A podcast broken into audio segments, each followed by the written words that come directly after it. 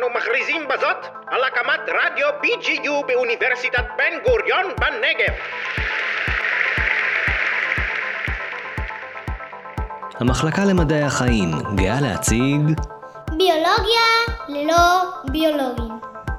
כל מה שצריך לדעת על המדע, גם בלי להיות במעבדה. בהגשת דוקטור דבי טויבר ודוקטור ברק רוטבלט. אורח באולפן, דוקטור בוזי רביב.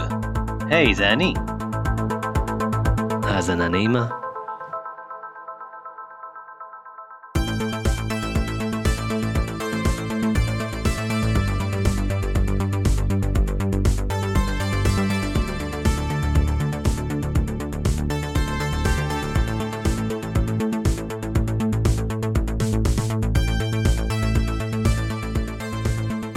אז מי שלא מכיר אותי, אני דוקטור בוזי רביב, אני המנהל של רדיו BGU, ואני כאן יושב מאחורי הקלעים עם הביולוגים הנפלאים האלה, דוקטור דבי טויבר ודוקטור ברק רוטבלט. ורצינו, לפני שאנחנו סוגרים את, ה... את האירוע של הפודקאסט הזה, לפחות לעונת השידור הזו, לדבר איתכם קצת על החוויה שלכם, בתור ביולוגים. אז קודם כל, לפני שאנחנו ממשיכים, אז uh, אני רוצה להגיד, בוזי, תודה רבה uh, על העבודה הנהדרת שאתה עושה. Uh, בלעדיך זה לא היה קורה. Uh, גם איך שהרמת את המפעל הזה שקוראים לו רדיו BGU, שבאמת יש אולפן מקצועי ש, שמאוד כיף uh, להתארח בו. Uh, וגם הגישה שאתה מביא איתך, ומצד אחד מכוון אותנו איך, איך לעשות רדיו, מצד שני לא כובל את uh, ידינו ורגלינו, אז, אז אנחנו מרגישים שיש לנו חופש, אז במובן הזה, בוזי, כל הכבוד ותודה רבה. יש. גם מאוד כיף לדבר איתך באופן כללי, ואנחנו מאוד נהנים מהמפגשים האלה. נתגעגע, אבל גם ננוח טיפה. אני גם מאוד נהניתי מהפודקאסט, ולא רק בגלל שאתם מגישים חינניים, אלא כי בתור ביולוג לשעבר, שעבר תחום, הדבר הזה מאוד מאוד מאוד דיבר אליי, המון סיפורים אישיים כאן, וגם השאלות שאתם העליתם, אלה שאלות שמהדהדות ממש לתוך נפשי. כן. מאוד שמחים. אנחנו גם רצינו לדבר קצת על הפידבק שקיבלנו. אז באמת, אנשים... ממלא תחומים שונים, גם האנשים שהתראינו פה, כולם היו מאוד מאוד שמחים עם הפרקים שלהם. בדרך כלל אנשים לא אוהבים לשמוע את הקול שלהם, ואם אמרתי ככה ולא אמרתי ככה, ודווקא אף אחד מהאנשים שהיה פה לא התלונן, ודווקא נהנו, וחילקו את הפודקאסט עם אנשים, עם משפחה, וקיבלו פידבק, והיו בהתרגשות מאוד מאוד גדולה. אז גם אני חושבת שמגיע לך תודה מהלב של כל האורחים שלנו. Yes. וגם uh, קיבלנו פידבקים חיוביים מה, מהקליינטים שלנו, שבסופו של דבר שזה הסטודנטים. אז uh, קיבלנו uh, אימיילים מסטודנטים ש, שציינו במפורש שהפודקאסט מאוד עוזר להם ומרחיב את האופקים שלהם ו, ומקרב אותם ל, ל, להבין מה זה באמת אומר לעשות מדע. שזה בסופו של דבר הייתה המטרה. בנוסף, גם סטודנטים פנו למרואיינים שלנו להתעניין לדוקטורט או למאסטר במעבדות שלהם, שזה גם מאוד נחמד.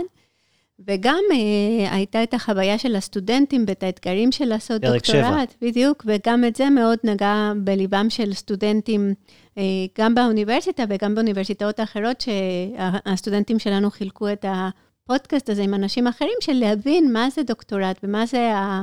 להיכשל ולהרים את עצמך. ולמה אתה עושה את זה. אז uh, אני חושבת שבסך הכל הייתה הצלחה מאוד גדולה, אם אנחנו, מותר לנו להיות uh, קצת... Uh, לפרגן לעצמנו. עכשיו, ב- ב- אבל, ב- אבל אנחנו עדיין מדענים, ותמיד אנחנו עם ביקורת. אז אחד מהדברים ש, שאני מרגיש ש, שקיבלנו עליו ביקורת, ומהרבה מאוד אה, אנשים שהתראיינו אצלנו, כולל אה, הרעיון שעשינו עכשיו עם אה, נשיא האוניברסיטה, זה שבהרבה מקרים הם הרגישו שהם לא הספיקו להגיד את כל מה שהם רצו להגיד. לא הספקנו mm. לדבר. עכשיו, רציתי לשאול אותך, בוזי, בתור בן אדם שזה המקצוע שלו, האם זה משהו שהוא, שהוא נפוץ ב, ברעיונות, בפודקאסטים, שאנשים יוצאים מה, מהרעיון, ו- ואולי היה להם כיף, או אולי הם כן הרגישו שהיה טוב, אבל הם מרגישים תחושת פספוס. א', אני חושב שזה חלק מההצלחה. זאת אומרת, אם אתה מרגיש כל כך טוב שהיית רוצה להמשיך את זה, אז זה אומר שהייתה חוויה טובה. ב', אני חושב שלחץ הזמן הזה, המסגור של הזמן, הוא אה, עושה טוב לשני דברים. א', לזה שבאמת יקשיבו לפודקאסט, כי זה מסגרת. זמן שהיא אה, אפשרית. וב', ו- וכאן גם היה לכם גם מגבלה, כי אתם כן. גם על שעות אה, הוראה פה, על הזה, ו- וב', זה גם גורם למרואיין להיות קצת יותר ממוקד, אז uh, קצת פחות ברברת. אני חושב כן. שהיה כאן flow די טוב. לא הייתה לי הרבה עבודת עריכה יחסית. כן. כן, אני, אני מרגישה שבאמת הזמן אה, מקסימלי שפודקאסט יכול להיות הוא 45 דקות, ותמיד יש דברים שאי אפשר להגיד או אי אפשר לספר. אה, לא היה לנו מקרים של אנשים שסיפרו משהו, ואז אחרי זה אמרו, לא, בבקשה, תורידו את זה, כי זה גם יכולים לקרות דברים כאלה, דווקא אנשים היו שמחים ממה שהם שיתפו. אבל יש אה, חוויות של, אולי אמרתי יותר מדי, אולי אנשים ישפטו אותי, אולי עשיתי משהו לא נכון. אה, כרגע לא קיבלנו שום חוויה שלילית כזאת, אבל אני חושבת שזה חלק מהפחד בלהתראיין ולדעת שעכשיו זה בא, באינטרנט. כל אחד יכול לשמוע מה שאמרתי. שזה היה גם חלק מהמטרה, זאת אומרת, לקחת את המדען, שהוא בדרך כלל מופיע בכותרת של מאמר, ואני קורא את המאמר בקול שלי ואני שובר את השיניים, ולראות את הבן אדם מאחורי זה, ואת הדרך שבה המסלול המפותל הזה של החיים מוביל את האנשים להישגים שלהם. שזה כן. מדהים, רוב האנשים כאן לא הגיעו, כאילו, הרבה מהמתראיינים, לא יודע אם... הרבה. עם רובם, אבל הרבה מהם, הם לא רצו בכלל להיות ביולוגים. זה, שזה גם כן אחד מהתובנות ה, שלי מהסדרת פודקאסטים הזו, ש, שמה שדני ציין, ו, וגם אחר, שהרבה אנשים לא רצו להיות ביולוגים והם הגיעו להיות ביולוגים, אבל כל אחד מהם בטוח שהוא מקרה מיוחד. זאת אומרת, כל מי שהגיע להיות ביולוג, בלי, בלי כוונה נקרא לזה, זה, זה, זה בטוח שזה מקרה מיוחד ונדיר, ולדעתי, ההרגשה שלי זה בערך 50% מהאנשים שראיינו, זה הסיטואציה אצלם. כן, אני מרגישה שיש את הביולוגים שבאמת, כאילו, מהניסוי ב- בכיתה ד' עם האלכוהול והצמחים, כבר יודעים שזה מה שהם רוצים, ויש אנשים שחלק מהם הרגישו לא מספיק טובים, ואז אה, היו צריכים להשתכנע ששווה לנסות, וחלק מהאנשים שהגיעו במקרה, ויש לנו, כל מה שקורה לנו בחיים, בסוף זה במקרה. במקרה פגשת מנחה מדהים, או במקרה פגשת את אה, אשתך, כאילו הכל קורה במקרה, ואנחנו לוקחים את זה ובונים מזה משהו. אז גם אנשים הלא ביולוגיים שהגיעו במקרה, הגיעו במקרה, אבל נשארו לא במקרה. הם פיתחו על זה קריירה. בחרו. נכון? גם מה שהיה מעניין אצל דני, וזה זה אולי אה, בסדרת פודקאסטים הבאה, אנחנו נביא יותר אנשים שהם עברו את המסלול המדעי, אבל הלכו לעשות, לעבוד בתעשייה או לעסוק ב, במשהו אחר, זה באמת אה, הכלים שרוכשים והחוויה המדעית היא, היא חוויה ש, שיכולים לעבור אותה בהרבה דרכים. זאת אומרת, להתמודד עם קשיים, להתמודד עם בעיה, ל, ל, שיהיה לנו ביקורת כלפי עצמנו, או אפילו ספקות לגבי היכולת שלנו להצליח, האם אנחנו טובים כמו הבן אדם ש... האם אני באמת טוב כמו הבן אדם שעומד לידי. דני דיבר על, על, על אימפוסטר סינג'ום, וגם דיברנו על זה הרבה ב- בסדרת פודקאסטים, זו חוויה אוניברסלית שהיא... אה, מעבר למדע, ו- ואני חושב שהכלים הזה, האלה שאנחנו רוכשים בתור מדענים, הם כלים שיכולים לפתוח לנו הרבה מאוד דלתות, שכאלה שאפילו אנחנו לא יכולים להעלות על דעתנו. אני בטוח, בוזי, למשל, שאתה, ואני אשמח אם תספר לנו טיפה איך אתה הגעת לעשות את מה שאתה עושה. הלכת ללמוד, דוק... הלכת לעשות דוק- דוקטורט בביולוגיה, ולא חשבת שבזכות זה אתה תהיה מנהל הפודקאסטים של, של האוניברסיטה. נכון.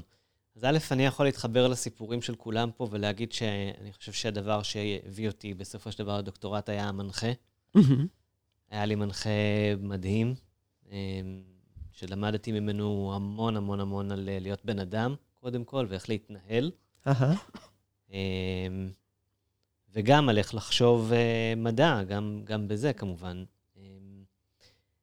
אבל אה, מה שקרה זה שהסיפור של אה, קמפוס דה בוקר שהייתי בו, הוא סיפור שנורא רציתי לחשוף אותו לעולם, כי סך הכל לא הרבה אנשים מכירים גם מה קורה שם מבחינה חברתית וגם מה קורה שם מבחינה מדעית. והמוטיבציה הייתה לעשות בכלל תוכנית רדיו שתתארח באיזושהי תחנת רדיו אחרת, אה, שהייתה אמורה לקום באזור שלנו, ברמת נגב, והתחנה לא קמה וכבר התוכנית הייתה, הייתה מוכנה, ופשוט יצאתי לדרך בתקווה שזה יצטרף מתישהו, ובסופו של דבר לא הצטרפה. והאוניברסיטה זיהתה את הפוטנציאל, אה, ופשוט החליטה להשקיע בזה את המשאבים של לקנות אולפן ולהעמיד משרה לטובת העניין, והיום אנחנו באמת מחזיקים אה, בערך 12 פודקאסטים רצים, אנחנו עושים שיתופי פעולה עם המחלקות. רגע, 12, מה זה אומר 12 פודקאסטים רצים? זאת אומרת, אה, פודקאסטים שמייצרים פרקים לפחות פעם בחודש. אהה, אוקיי. וואו, וכל אחד יש לו את הרבה. הקהל שלו. כמובן. אה, יש לנו, עכשיו הקמנו שידור חי, מערך של שידור חי ערב בשבוע, שאנחנו מביאים אה, לסטודנטים וחברי סגל הזדמנות לשדר מוזיקה, גם לאנשים אחרים מהנגב כן. שהיו צריכים אה, מקום לעשות את הדבר הזה. הקמנו קהילת יזמות עם הבוגרים של הרדיו, והם דרך מרכז יזמות 360, שתביא את כל התחום הפרקטי של התעסקות במקצועות התקשורת, שהיה חסר כאן. כן. אז הם כבר התחילו לצלם סרטים, והתחילו uh, לעשות uh, תחקירים וכל מיני דברים כאלה מאוד מעניינים. Um, קורס עריכת וידאו, לצורך כן. העניין. אה, ו- ולי זה... אני חושב שהמדע, כאילו, לי נתן כאן אה, הרבה רוגע. זאת אומרת, הרבה אמונה בעצמי. אהה, כי, כי להיות דוקטורנט זה קצת ללמוד ניהול. נכון. קצת ללמוד ניהול עצמי, הרבה מאוד עצמאות, הרבה מאוד יצירתיות, התמודדות עם כישלונות, בעיקר ביולוגיה. מולקולרית, צריך כאילו, 90 אחוז כישלון. זהו, לפתח איזה אור של פיל כזה, שכל פעם רואים את המסך הזה שהוא אה, ריק מהבן שרצית למצוא, וכזאת אכזבה, עבדת על זה יומיים. כן. אז הרבה כאלה. לפעמים יומיים, לפעמים הרבה כן. יותר. כן, כן. לי היה כזאת אה, חוויה אחרי שלוש וחצי שנים, כן. אבל זה סיפור אחר. כן, לכולנו היו את הכישלונות הקולוסליים האלה בביולוגיה, אבל uh, לומדים uh, לעמוד עוד פעם. ועוד דבר שאני חושבת שמאוד חשוב, שאולי לא, לא נגענו בו, אבל אני חושבת שאחד מהכלים הכי חשובים שהאוניברסיטה נותנת, ואולי גם דרך מה שאנחנו מנסים להעביר בפודקאסט, זה את היכולת להיות ביקורתי. לא לקחת דברים כמובן מאליו, שום דבר, ולחשוב בעצמך. ואוניברסיטה נותנת את הכלי הזה של לשאול את עצמך, וקצת אה, לבקר, וקצת אה, לחקור לפני שאתה מפזר דברים שהם לא נכונים, או טיפה-טיפה להסתכל על, העיני, על העולם בעיניים אה, אחרות. לגמרי, ובמיוחד העניין הזה של הביולוגיה, של המבנה של המאמרים, שצריך להראות איזושהי תוצאה דרך אה, שלוש, לפחות שלושה ניסויים שונים בתכלית, מהמם. אז זה נותן אה, באמת כלים לביקורת, של מאיפה הגיע המידע הזה שאתה עכשיו מספר לי. יש לך דרך להראות את זה, אולי עוד מישהו, אולי אני צריך להצליב מקורות, כן. במיוחד בעידן הזה של ה fake news שאנחנו נמצאים בו. כן, אז מאוד מאוד חשוב להיות ביקורתי, אה, גם במדע וגם ב, בחדשות שאנחנו מקבלים, ו, ועיקר באמת אה, להיות כשאנחנו, כאילו אחד מהמסרים שאולי חשוב לנו להעביר, זה שכשאנחנו מקבלים מידע ואנחנו לא בטוחים אם המידע נכון או לא נכון, לא לפזר אותו. מהמם. בתור אוי, זה מצחיק, או אוי, זה מעניין. אם אתה לא יודע אם זה נכון ולא סומך על זה, תשאל. אל- בדיוק, תשאל, תשאל את מי שאתה יכול, ולא להמשיך עם ה... לפזר fake news בדברים כאלה. כן. היה כיף אבל. היה מאוד היה, חשוב. היה כיף והיה מעניין, ו... ואנחנו מקווים אה, שנה הבאה להביא דם חדש Yes. לפודקאסטים שלנו. אחלה. אה, אז כן. אפרופו דם חדש, אנחנו השארנו איזושהי מתנה קטנה גם למאזינים. אה, יפה. אה, ואנחנו שמים להם אה, פרקי בונוס בפודקאסט. שלושה פרקי בונוס שהוכנו על ידי חבר'ה סטודנטים מהמחלקה למדעי החיים, מהמם. שרצו לשאול את השאלה האם עדיין הכרחי לעשות ניסויים בבעלי חיים. זו שאלה שאני בטוח שהטרידה אתכם קצת כחוקרים של אה, חיות ולא רק של כן. צמחים. כן, כמובן, גם, גם דבי וגם אני עושים ניסויים בבעלי חיים. ואנחנו מבינים, אף, אף פעם לא נהיה יותר קל, אני חייבת גם להגיד שלהקריב עכברים זה לא נהיה יותר קל עם הזמן, אבל אנחנו גם מבינים את החשיבות, ובאמת הפודקאסט, אה, הפודקאסטים האלה מאוד מעניינים ומאוד מוסיפים אה, את ההבנה של למה צריך לעשות ניסוי בבעלי חיים לדעתי. וגם גם, גם להבין למה צריך לעשות ניסויים בבעלי חיים, ואני חושב שלא פשוט, לא פחות חשוב, זה מה- במה זה כרוך לקבל אישור ללעשות ניסויים בבעלי חיים. כי אני חושב שחלק מהמאזינים אולי, או חלק מהתפיסה ב... נגיד בחברה היא שמדען אה, תופס עכבר ואומר, בא לי לעשות ניסוי, תופס את העכבר, מזריק לו איזה משהו, ואו שהוא מסתכל לראות מה קורה, או שזורק אותו לפח. אבל זה רחוק מכך, ויש...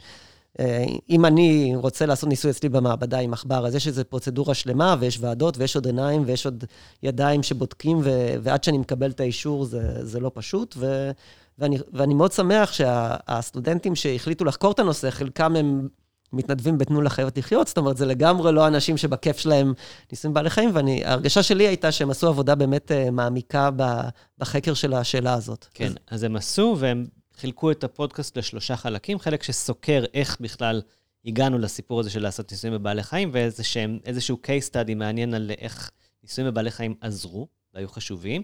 אחר כך הם באמת אה, סוקרים את הרגולציה של אה, ניסויים בבעלי חיים היום. אני בטוח שגם חוקרים שלא מכירים את המאחורי הקלעים של זה ממש התעניינו. והפרק האחרון הוא על אלטרנטיבות לניסויים בבעלי חיים, וזה, אני בטוח שיהיה לכם ממש כן. מעניין לשמוע, אחרי כל. מה שאמרתם כאן. אז אה, תודה רבה, בוזי, על הכל, ואנחנו נתגעגע אליך במשך אה, חצי שנה, אבל נחזור ונמשיך אה, לעשות פודקאסטים מעניינים. תודה. רבה, בוזי. תודה לכם, ביי ביי. אנו מכריזים בזאת על הקמת רדיו BGU באוניברסיטת בן גוריון בנגב.